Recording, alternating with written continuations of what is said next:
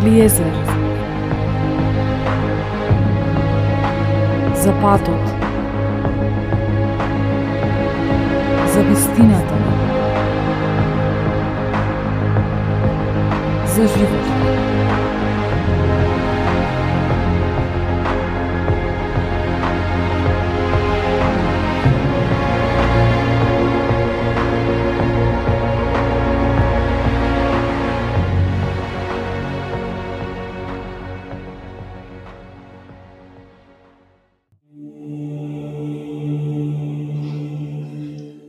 Почитувани слушатели, заедно со мене Драги Анастасовски, професор по етика во религија. Денес ќе зборуваме на една тема која што фаќа една убавина за нашето смирение. Секогаш е убаво кога сме смирени, спокојни, а со тоа сме среќни, и заради тоа има зашто да зборуваме. Професоре, добре дојдовте Добро ве најдов и ви благодарам на поканата и можноста ве за едно од најважните добродетели да зборувам и да пренесиме тие вредности кои што би било многу добро да се трудиме да ги вградуваме во нас и во нашиот карактер. Кога размислуваме за смирението, некогаш не сме свесни дека смирението е сушност основата на наша засреќа. Секогаш среќата ја бараме лево, десно, околу нас, внатре, надвор, некаде, ама на некој од нас не ни текнува дека за да бидеме срекни треба да сме смирени, спокојни. Некогаш мислиме дека начинот за да бидеме смирени е за да ги смириме прво другите, а со тоа дека ќе го добиеме нашиот мир. Но човекот треба да го најде мирот прво во себе, внатре во себе, па потоа ќе зрачи со на духовна, душевна убавина а, и кај другите. Без тоа смирение не можеме да го постигнеме без да го најдеме и да го пронајдеме Бога во себе. Што можеме првично вака да кажеме за, за смирението? Да, мислам, убава анализа и убаво поставено прашање. Значи, за да се добие со таја, таја наша внатрешна духовна рамнотежа, една внатрешна наша хармонија со самиот себе, многу е важно да воспоставиме хармонија со ближниот. Значи, хармонијата што велиме да биде со Бога доаѓа само тогаш кога ќе бидеме во духовна хармонија и мир со својот ближен. И само тогаш кога ќе бидеме во мир со својот ближен, тогаш ќе бидиме и во мир со самите себе. Многу е важно ние во животот да се преиспитуваме себе си, да се прашуваме за нашите односи, да си ги пратиме нашите чувства, нашите духовни состојби и да истражуваме кои се причините за нашиот немир, а кои се можностите и условите за да се врати таа наша радост и мир во душата. Ако искрени сме во тоа истражување и безпристрасно гледање во нас, во тие наши длабоки да речам, безни од страстите и нашите гревови, верувам дека Бог ќе не просветли за да се спознаваме и откривајќи ги пред себе си и пред Бога, а кога треба да го признаеме гревот и пред ближниот, верувам дека повторно ќе не се врати таја радост и мир во душата, кој што е најважната состојба за да бидеме своји а, и во секој момент да твориме дела а, достојни за покаяние, дела на љубовта. Значи, спознавањето на себе си е почеток на тој духовен раст и наша лична преобразба. Е сега, многу врзано едно со друго во овој контекст на добродетелта на смирението, како антипод е гордоста, која што викаме дека е мајка на сите гребови. Знаете, се вели во Библијата секој што се воздигнува себе си, ќе биде понижен, а кој се понижува себе си, ќе биде воздигнат. Значи, оној кој се смирува, признава и ја прифаќа одговорноста и гревот, ќе најде и оправдание и повторно почети милост од ближниот и од. Народот оставил наши пораки, како вели, кој високо лета, ниско паѓа и кој мисли дека е некој, утре може да биде никој. И тие се мудрости кои што биле како водилки во животот на нашите предци, иако можда неуки и необразовани со едно, да речам, пишано слово, меѓутоа се труделе да ја практикуваат верата и тие мудрости евангелски што Бог ни ги пренел. И знаете, тој пример на заедништво каде што во една куќа се живее многу члено семејство по 10-15 членови кои што сите во едни скромни услови живеат во мир и слуга, зборува за а, љубов што имале помеѓу себе, која што доаѓала од нивното смирење. Знаете, но во моментот кога ние ќе почнеме да се издвојуваме од другите, сметајки се себе си дека сме нешто повеќе од другите, дека сме подобри, дека имаме поголемо знаење, дали дека сме побогати, посилни, пообразовани, побави така натаму, во тој момент кога себе си се сметаме за нешто повеќе од другите, ние тогаш го рушиме мостот меѓу нас и мојот ближен. За жал тогаш доаѓа до состојба и да го презриме нашиот ближен, се руши мостот на пријателството, на еднаквоста, на љубовта. Најстрашно, тогаш се случува што нашето срце повеќе не е со неговото, но неговото срце исто така не може да биде повеќе со нашето, бидејќи него сметаме достоен за нас. Се вели, тогаш почнува нашата духовна трагедија, дека стануваме посиромашни за еден ближен, за еден пријател. Како се вели, богатството на еден човек се гледа според бројот на пријателите, на тие вистински, искрени, љубовни врски кои што ни дават сила и идентитет во нашиот живот. Е сега се вели, нападот му предходи гордоста. Тогаш кога ќе се сметаме за поголиме од другите, кога ќе презриме, фактички сме во една состојба на високо умие, Да Денес сите зборуваме за ладање на носите и луѓето, но не сме секој свесни за причините и ниту го бараме и нашиот удел во сето тоа, каде сме ние. Прашање дали се приспитуваме себе си за нашите односи со другите. И дали, многу е важно, на искрена, реална основа ги ставаме нашите ставови, погледи, мислења со ставовите, погледите, мислењата на, на другите. Или секојаш пристрасно гледаме само за нас и нашите ставови, нашите интереси и желби. Многу е важно дали ги согледуваме потребите на другите, или само се занимаваме со себе си, со нашите предсе, лични интереси, и тука се затвораме во кругот на себелюбието и гордост. Токму веќе се надоврзам токму на ова.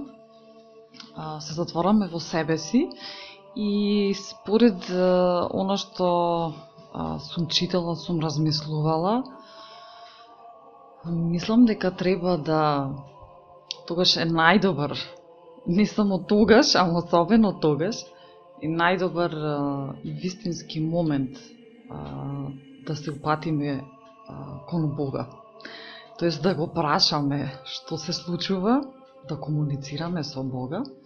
Во Светото Писмо, во делот Апостолски дела, е виден мал изводок, каде што вели дека Бог, кој го создаде светот и си што е во него, како господар на небото и на земјата, не живе во ракотворни храмови, ниту прима служба од човечките раце, како да има потреба од нешто, бидејќи тој самиот им дава на сите, живот, здивот, здив и се. Тој исто направи целиот човечки род да потекнува од еден човек и да се насели по лицето на целата земја, откако им определи одредени времиња и граници на нивните живеалишта, за да го бараат Бога. Не били го напипале и нашле некако, зашто тој не е далеку од ниту еден од нас, зашто во него живееме, се движиме и постоиме. И токму тука е всушност есенцијата на нашето постоење, на решението на сите наши проблеми, предизвици, вклучувајќи и гордоста. Еве споменавте дека тогаш веќе се губиме и не сме во контакт со ближните. Не сме контакт со она што всушност е нашата вистинска природа.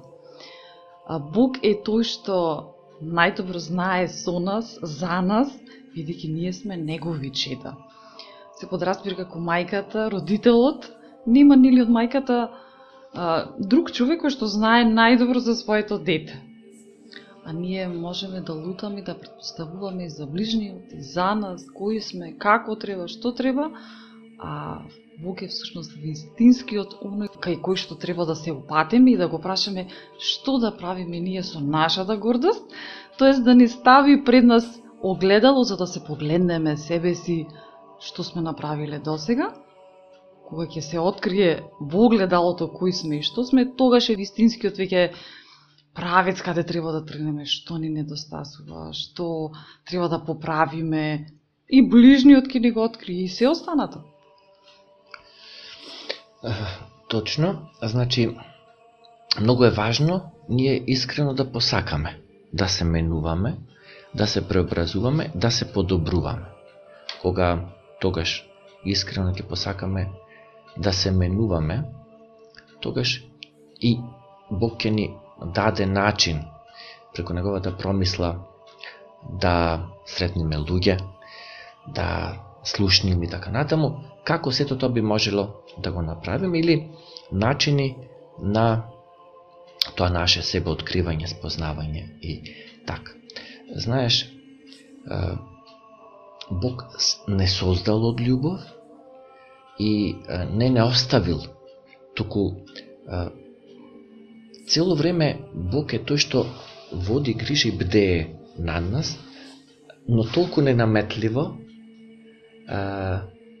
кој што а, не храни со својата милост и љубов, но не очекувајќи ништо за возврат, чувајќи ние нашата слобода, ние самите, кои ќе посакаме, да му речеме а, Ава учеш, велат, слава ти Господи, ти благодарам Господи, така. Значи, како што родителот не бара ништо за возврат на своето дете, но за чест и достоинството на детето е да речи благодарам на своите родители, така и наше е еднаш да се сетиме каде сме и да се вратиме во таа преградка, во тоа лоно Божие. А Бог, како добар родител, го чека нашето покаяние, го чека нашето смирение. А, а како ќе почнеме ние да се преиспитуваме, ќе согледаме како колку пати во животот Бог поставил рака. Некој сме се сопнале, некој ни се случило се со како родителска опомена дека сме на некој лош пат и да се вратиме таму каде што треба да биде. Е сега, наше е сепак, Бог ни чува апсолутно нашата слобода, дали искрено од срце ќе сакаме да го смени нашиот начин на живење и да се вратиме на она наша исконска лична природа. Тука во овој контекст што го кажавте, интересен примерот кога Бог ги сака сите и неголемите грешници, бидејќи на крстот, кога Христос бил разнат, пред самата смрт, од неговата лева и десна страна биле двајца други разбойници распнати, едниот од левата страна дрско, иако и тој распнат, му вели на Христос, ако си ти син Божи, спаси се сам и спаси не нас. Значи, во таја тешка предсмртна состојба, тој се уште носи дел од својата дрскост и ароганција, гордост. А додека другиот разбойник, кој а, ја прифатил својата грешност, се смирил а, со самата смрт, сватил дека ова заслужено го добил, му вели Јас и ти заслужено висиме на крстот. Но овој праведник нема никаков грев. Не цел живот одевме по лоши патишти. Тој се кае, го признава својот грев, се смирува. И откако во една таква состојба покајничка, се врти на кај Христос му вели, сети се на мене Господи, кога ќе дојдеш во царството свое. И на првиот разбойник Христос не му враќа ништо, Меѓутоа, на зборовите од вториот, од десната страна кој беше, Христос се врти му вели, вистина ти велам, уште денес ти со мене ќе бидеш во рајот. Значи, што се бараш? Покаяние, смирение, така? Вера.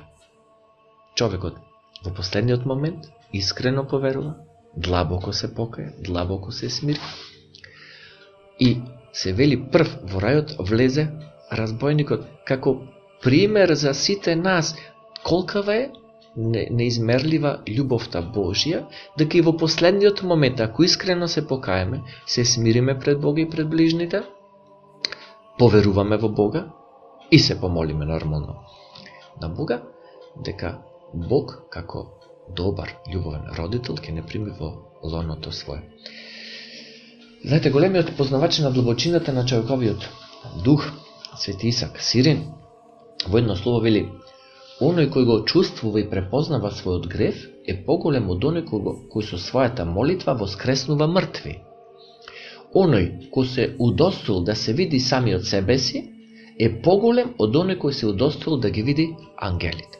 Значи, смирението ни дава таква доблест да се препознаеме себе си, да го препознаеме својот грев и својот пат.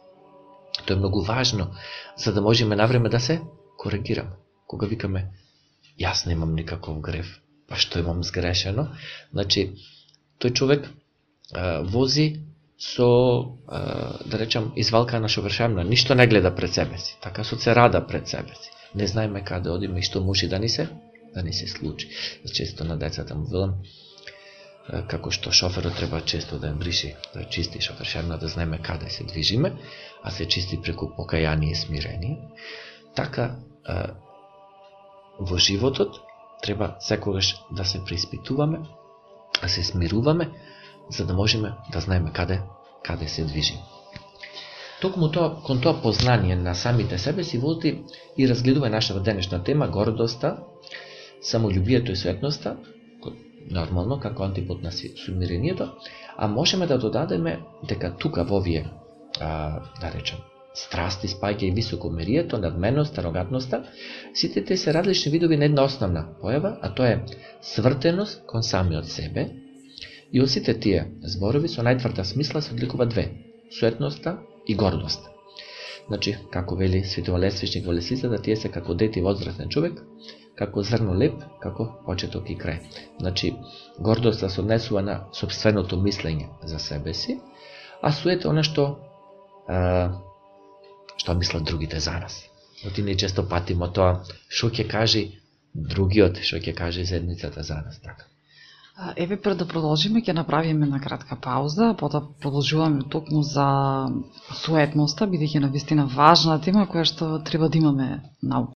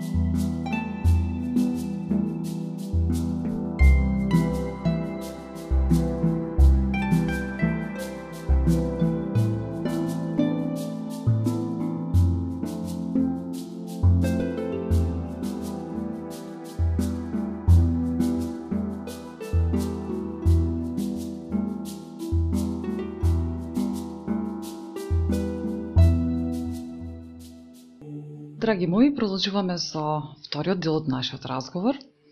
Ја споменавме суетноста, гордоста, колку негативно или може би има некој аспект кој што позитивно влијае, што се сомневам искрено. Некогаш е добро, гледајќи ги негативните страни на нештата, за да бидеме свесни за потребата на позитивните, кои се тие, или да ги откриваме, да ги бараме, да ги вградуваме во нас. Значи, еве, кратки можеме како некои карактеристики, симптоми на суетноста на гордоста, за да дојдеме до смирението. Се вели симптоми на суетата се нетрпението на прекори. Не сакаме никој да не нешто да не опомени.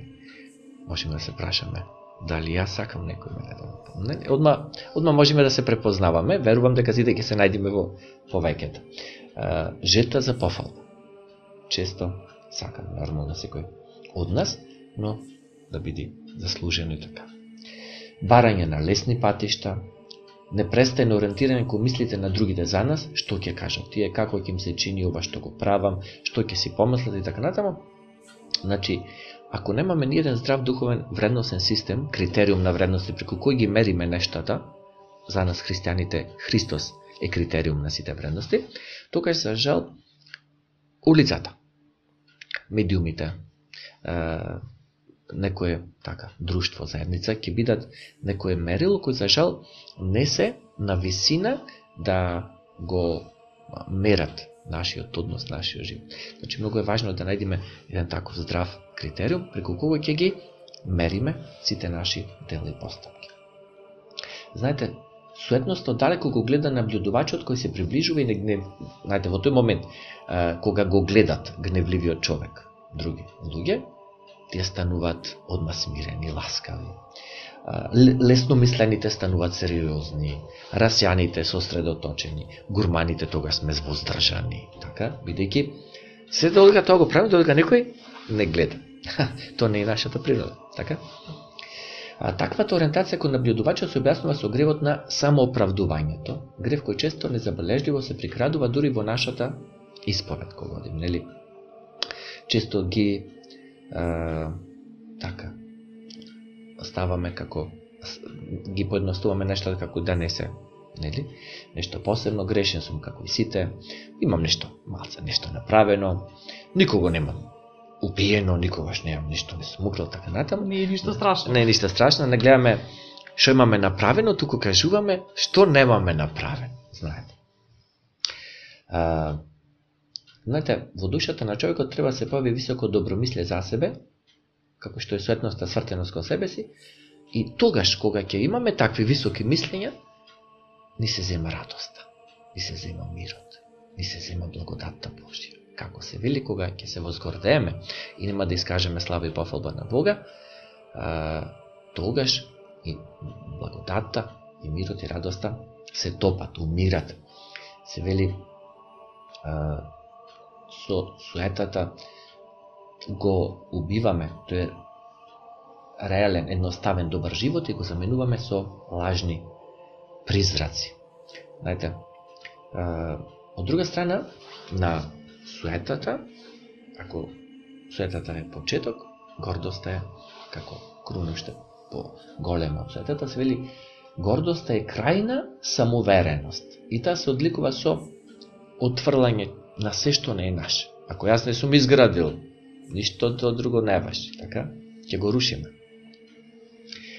Та извор на гнев, жестокост, злоба, накогаш и во тешка ситуација од гордост не сакаме да примиме и подадена рака, а тоа ни е Божја помош, Бог, некого вдахновил, вратил, така, се вели гордостка една демонска тврдина, еден отец Ава Пимен вели таа гордоста бакарен цит меѓу нас и Бога, не одделува, непријателско кон Бога, и се вели тоа е почеток на секој грев, и нормално во секој грев таа се наоѓа како мајка на сите.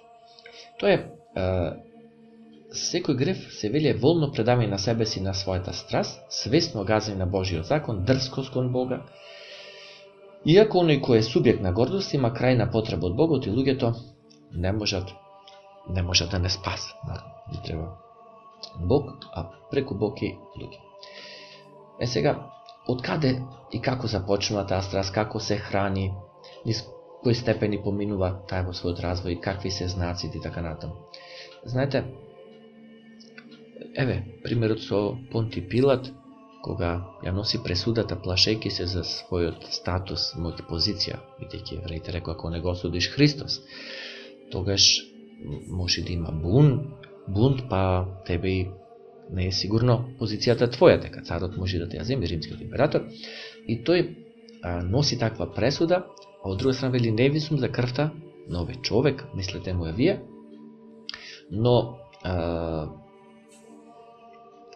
ние не го согледуваме својот грев. Сакаме во секој случај да се оправда. Еден симптомите е оправдување. Во секој случај, знаци на гордост да се вели ако на човекот му е тешко да бара прошка. Знаете, денес можеме да се преиспитаме со луѓе со кои што еве можда не зборуваме или имало некои причини, дали можеме да се сепак скрушиме пред другиот и да побараме прошка. Дури и ако не сме криви, добро е за да воспоставиме повторно мир, мирни, љубовни релации. Знаци се ако сме пречувствителни на нештата околу нас, зборови така, ако се сомневаме, или ако го памтиме злото и ги осудуваме другите. Се вели почеток на гордоста е таму каде што завршува суетата, средината на гордоста е омалуважување на ближниот, бесрамно фалење со своите подвизи, фалење во самиот себе во срцето и омраза кон прекорување. Значи, гордоста така не ни дава да слушаме да некој прекори, да туку сакаме само да не фаламе. Се вели крајот на гордоста е отфрлање на Божјата помош, надес во своите собствени сили и кој што на крајот ќе доприми и некои а, сатански карактеристики се вели. Горди сме Бидејќи... кога, Ајде, кога не сакаме да да не критикуваат. а, И таа е, да речам, главна причина да се смириме и да некојаш прифатиме да одиме на терапија, тоа е лекот за душата, е светата тајна изборот. Бидејќи се површуваме кон крај на нашиот разговор, да привршиме со они кои што се најважни работи, сугестии од наша страна, како најдобро. Знаме Знаеме дека нема некој лесен начин, но сепак што е она што прво треба да го направиме, начин на размислување, за да се смириме себе си, а со тоа да ставиме во контакт и да бидеме едно со нашиот креатор, со нашиот творец, со нашиот татко, со Бога и да го гледаме светот преку негови очи, а не преку наши, бидејќи зборувавме тоа сега дека нели таа гордост, суета не ни дозволува да погледнеме всушност на вистина она што е околу нас и она што е во нас. Да. Се вели, благоразумен човек е оној кој разбрал дека само смирението може да го соедини со Бога, а, да, го, да ја воспостави преку него таа внатрешна хармонија и мир. А, знаете, кога се смируваме, ние се смалуваме, се скрушуваме. И не е, не е грев, не е срамота да ја наведниме главата пред Бога. Луѓето кои што ќе се скрушат и кои ќе ги признат вредностите Божи, ќе ги прифатат и ќе се смират пред Бог, кои што ја искажуваат таја своја вера со, нели, одење во црква, поклонение, целивање и така натаму. Всушност, прават достоинствен чекор и враќање на тој првообраз во нас. За жал, луѓето кои што не сакат да се смират пред Бога, што не сакат да изразат почит, сметајки се дека тоа е недостојно така натаму, тие луѓе ќе ја наведнат глата пред тварта. Тој што не сака да ја наведне главата пред Творецот, ќе ја пред тварта. Ќе ја наведниме за пари, за моќ, за позиција, пред шефо, пред председателот и така натаму. Значи, смирението ни, ни го враќа тоа достоинство, е многу важно. Се вели а, во една молитва, Цару небесен, утешителу духу на вестината, кој си насеката и се исполнуваш, дојди и сели се во нас и очисти нас се каква нечистота и спаси ги благи нашите души. Значи, искрено скрушно да побараме Бог за тој, преку неговата благодат и сила Божја, достојно и богугодно да ги носиме, да го носиме крстот на нашиот живот и да ги остваруваме делата на, на љубовта. Смирението и себе понижувањето се прв услов за расчистување на патот кон доброто.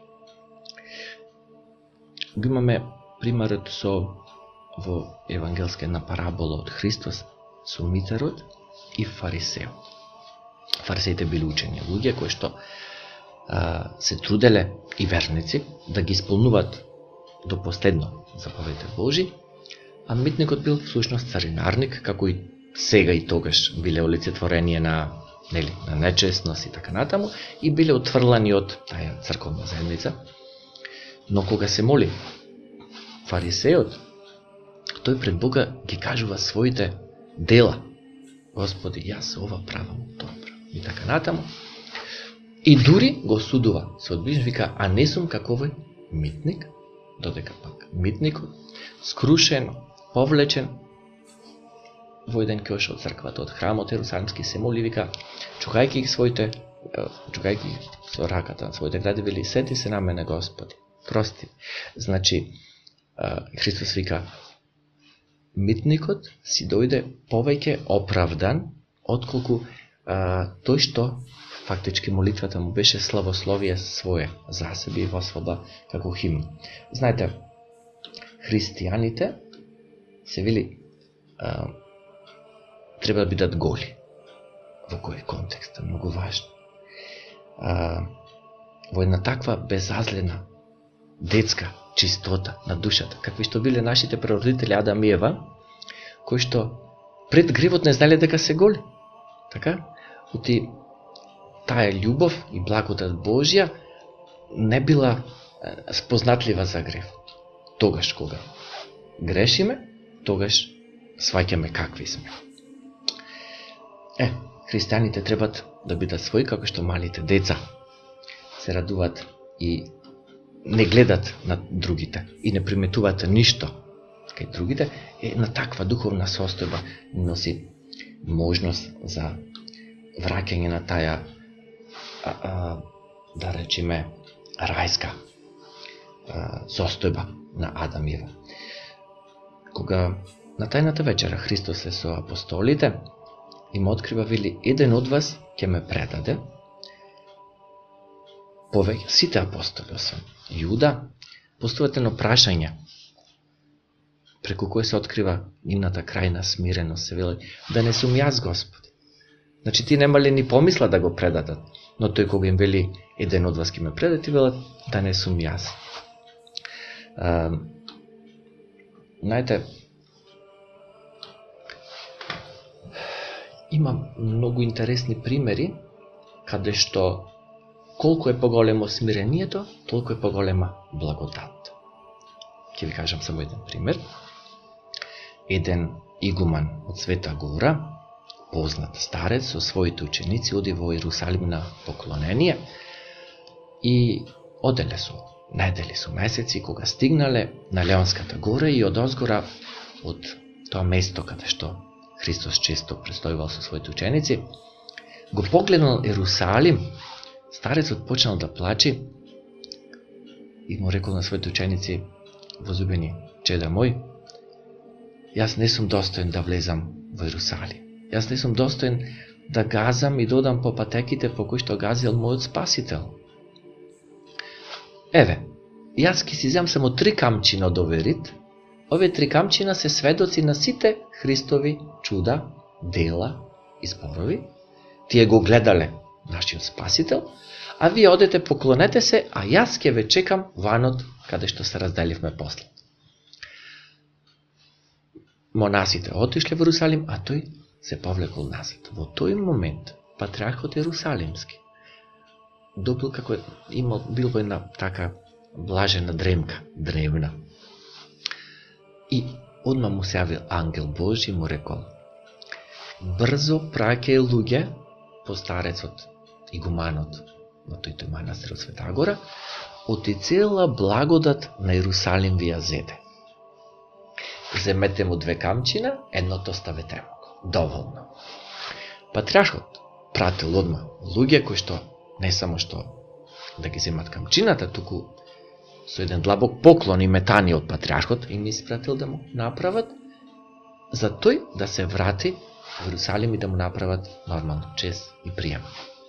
Старецот заради благословот и молитвата и љубовта на патриархот се враќа и замислете човекот кој што не сакаше да биде приметен, да биде познат, виден, тој кој што не сакаше нели, ниту да гази на местото каде што газил Христос, сметал себе си за недостоен, денес ние за него зборуваме. Како се вели, тогаш кога ќе се смириме, кога ќе се скрушиме пред Бога и ближниот, е тогаш доаѓа силата и благодатта Божја на нас, кое што